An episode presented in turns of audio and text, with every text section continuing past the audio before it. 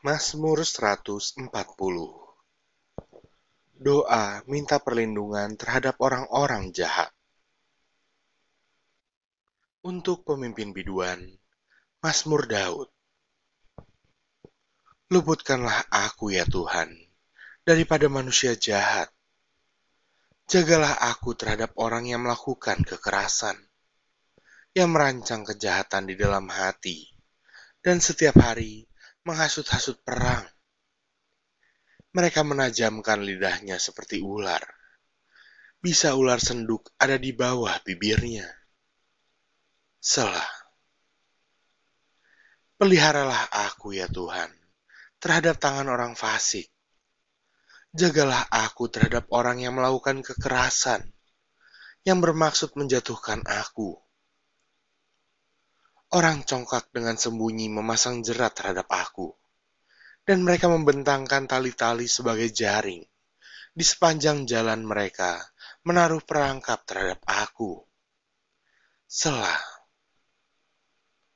Aku berkata kepada Tuhan, Allahku engkau, berilah telinga ya Tuhan, kepada suara permohonanku. Ya Allah Tuhanku, kekuatan keselamatanku. Engkau menudungi kepalaku pada hari pertarungan senjata. Ya Tuhan, jangan penuhi keinginan orang fasik. Jangan luluskan tipu rencananya. Selah.